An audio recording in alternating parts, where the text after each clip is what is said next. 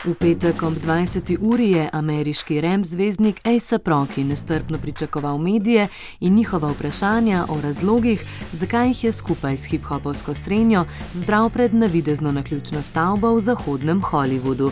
Njegov odgovor je bil Gas Club, druga časovna kapsula, ki obiskovalce popelje skozi prostor klasične ameriške kulture in mode 80. in 90. let prejšnjega stoletja. Tako so na ogled postavljeni poleg majic kratkimi rokavi, spranih kavbojk in prevelikih džins jaken, tudi arkade na starih televizijskih aparatih v obliki Pac-Mana in Street Fighterja, strežejo sladoled in sladkorno peno, za točilnim pultom širok vodko, vse skupaj pa konča miza za biljard. Harlemski MC je dejal, da je navdih za notranjo opremo in zasnovo našel v hišicah na drevesu, od otroštva si je želel in sanjal o takšni hišici, a v New Yorku to preprosto ne gre, če živiš v stanovanju. Nimaš dvorišča ali dostopa do takšnih stvari. Celoten izgled pa naj bi poudarjal to najnovejšo gesovo kolekcijo, ji dodajal pridih mladosti. Po tiskovni konferenci so dali glasbo na glas in prizorišče se je napolnilo, Pevec in tekstopisec Frank Ocean, ki je v zgodnejših urah istega večera izdal novo pesem, na kateri sodeluje tudi Roki, je bil le eden od številnih zvezdnikov na zabavi. Družbo so modelali zvezdniška manekenka Kendall Jenner in RB pevka Justine Sky in seveda nekaj članov ASAP Moba.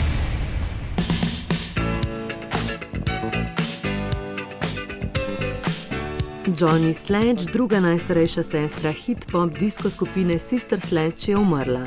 Žalostno novico je včeraj svetu sporočil tiskovni predstavnik skupine, vzrok njene smrti ni bil razkrit. Skupina, ki je nastala leta 1971 in izdala kar nekaj hitov, kot so He's the Greatest Dancer, We Are Family, Frank in druge, je skupaj nastopila leta 2015, naslednji koncert pa naj bi imeli čez dober mesec v Los Angelesu.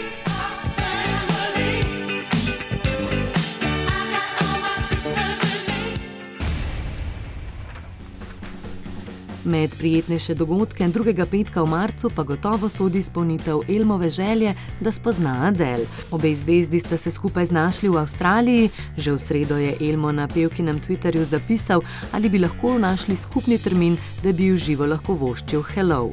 Hello. Elmu pa se je nasmehnila sreča, saj se je Adel prav tedni prvič modila v Avstraliji in tako je bila njegova želja uslišana.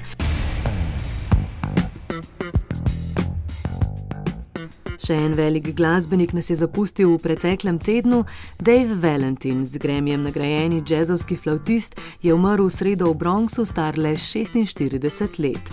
Smrt naj bi bila posledica zapletov med kapjo in Parkinsonove bolezni, je dejal njegov menedžer. Rojen v Bronxu, portoriškim staršem, je Dave igral Kongo in Čimbale, profesionalno že pri kar desetih letih. Kot najstnik se je zaljubil v igralko flaute, zato je njegova glasbena pot spremenila smer smer in da bi jo osvojil, se je tudi sam lotil flaute. Bil je samouk in pozneje postal eden od najpomembnejših flautistov latinskega džeza. Zato je tudi prejel številne nagrade, med drugim že prej omenjenega Gremija leta 2003 za album The Gathering v zasedbi Caribbean Jazz Project. Ta nedvomno ploden glasbenik je leta 2012 končal kariero, potem ko je doživel prvo kap.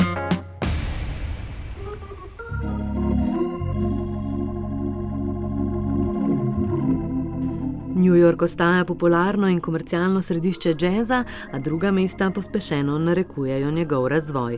Mladi glasbeniki v krajih kot sta Filadelfija in Chicago, kjer medgeneracijska izmenjava uspeva tudi zunaj akademskih tav, združujejo uveljavljene regionalne ozorce s širokim naborom vplivov prek črnskega glasbenega kanona in celotnega sveta. To je jasno in glasno predvsem v mestu Angelov, v katerem saksofonist Kamasi Washington vodi pohod na nacionalno sceno.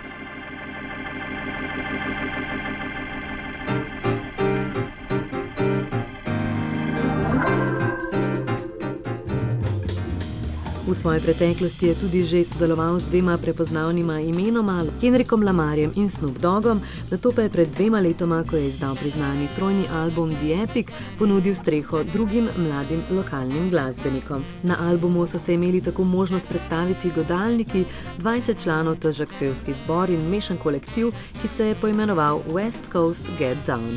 To zimo pa so kar štirje člani preomenjenega kolektiva izdali svoje prve samostojne plošče.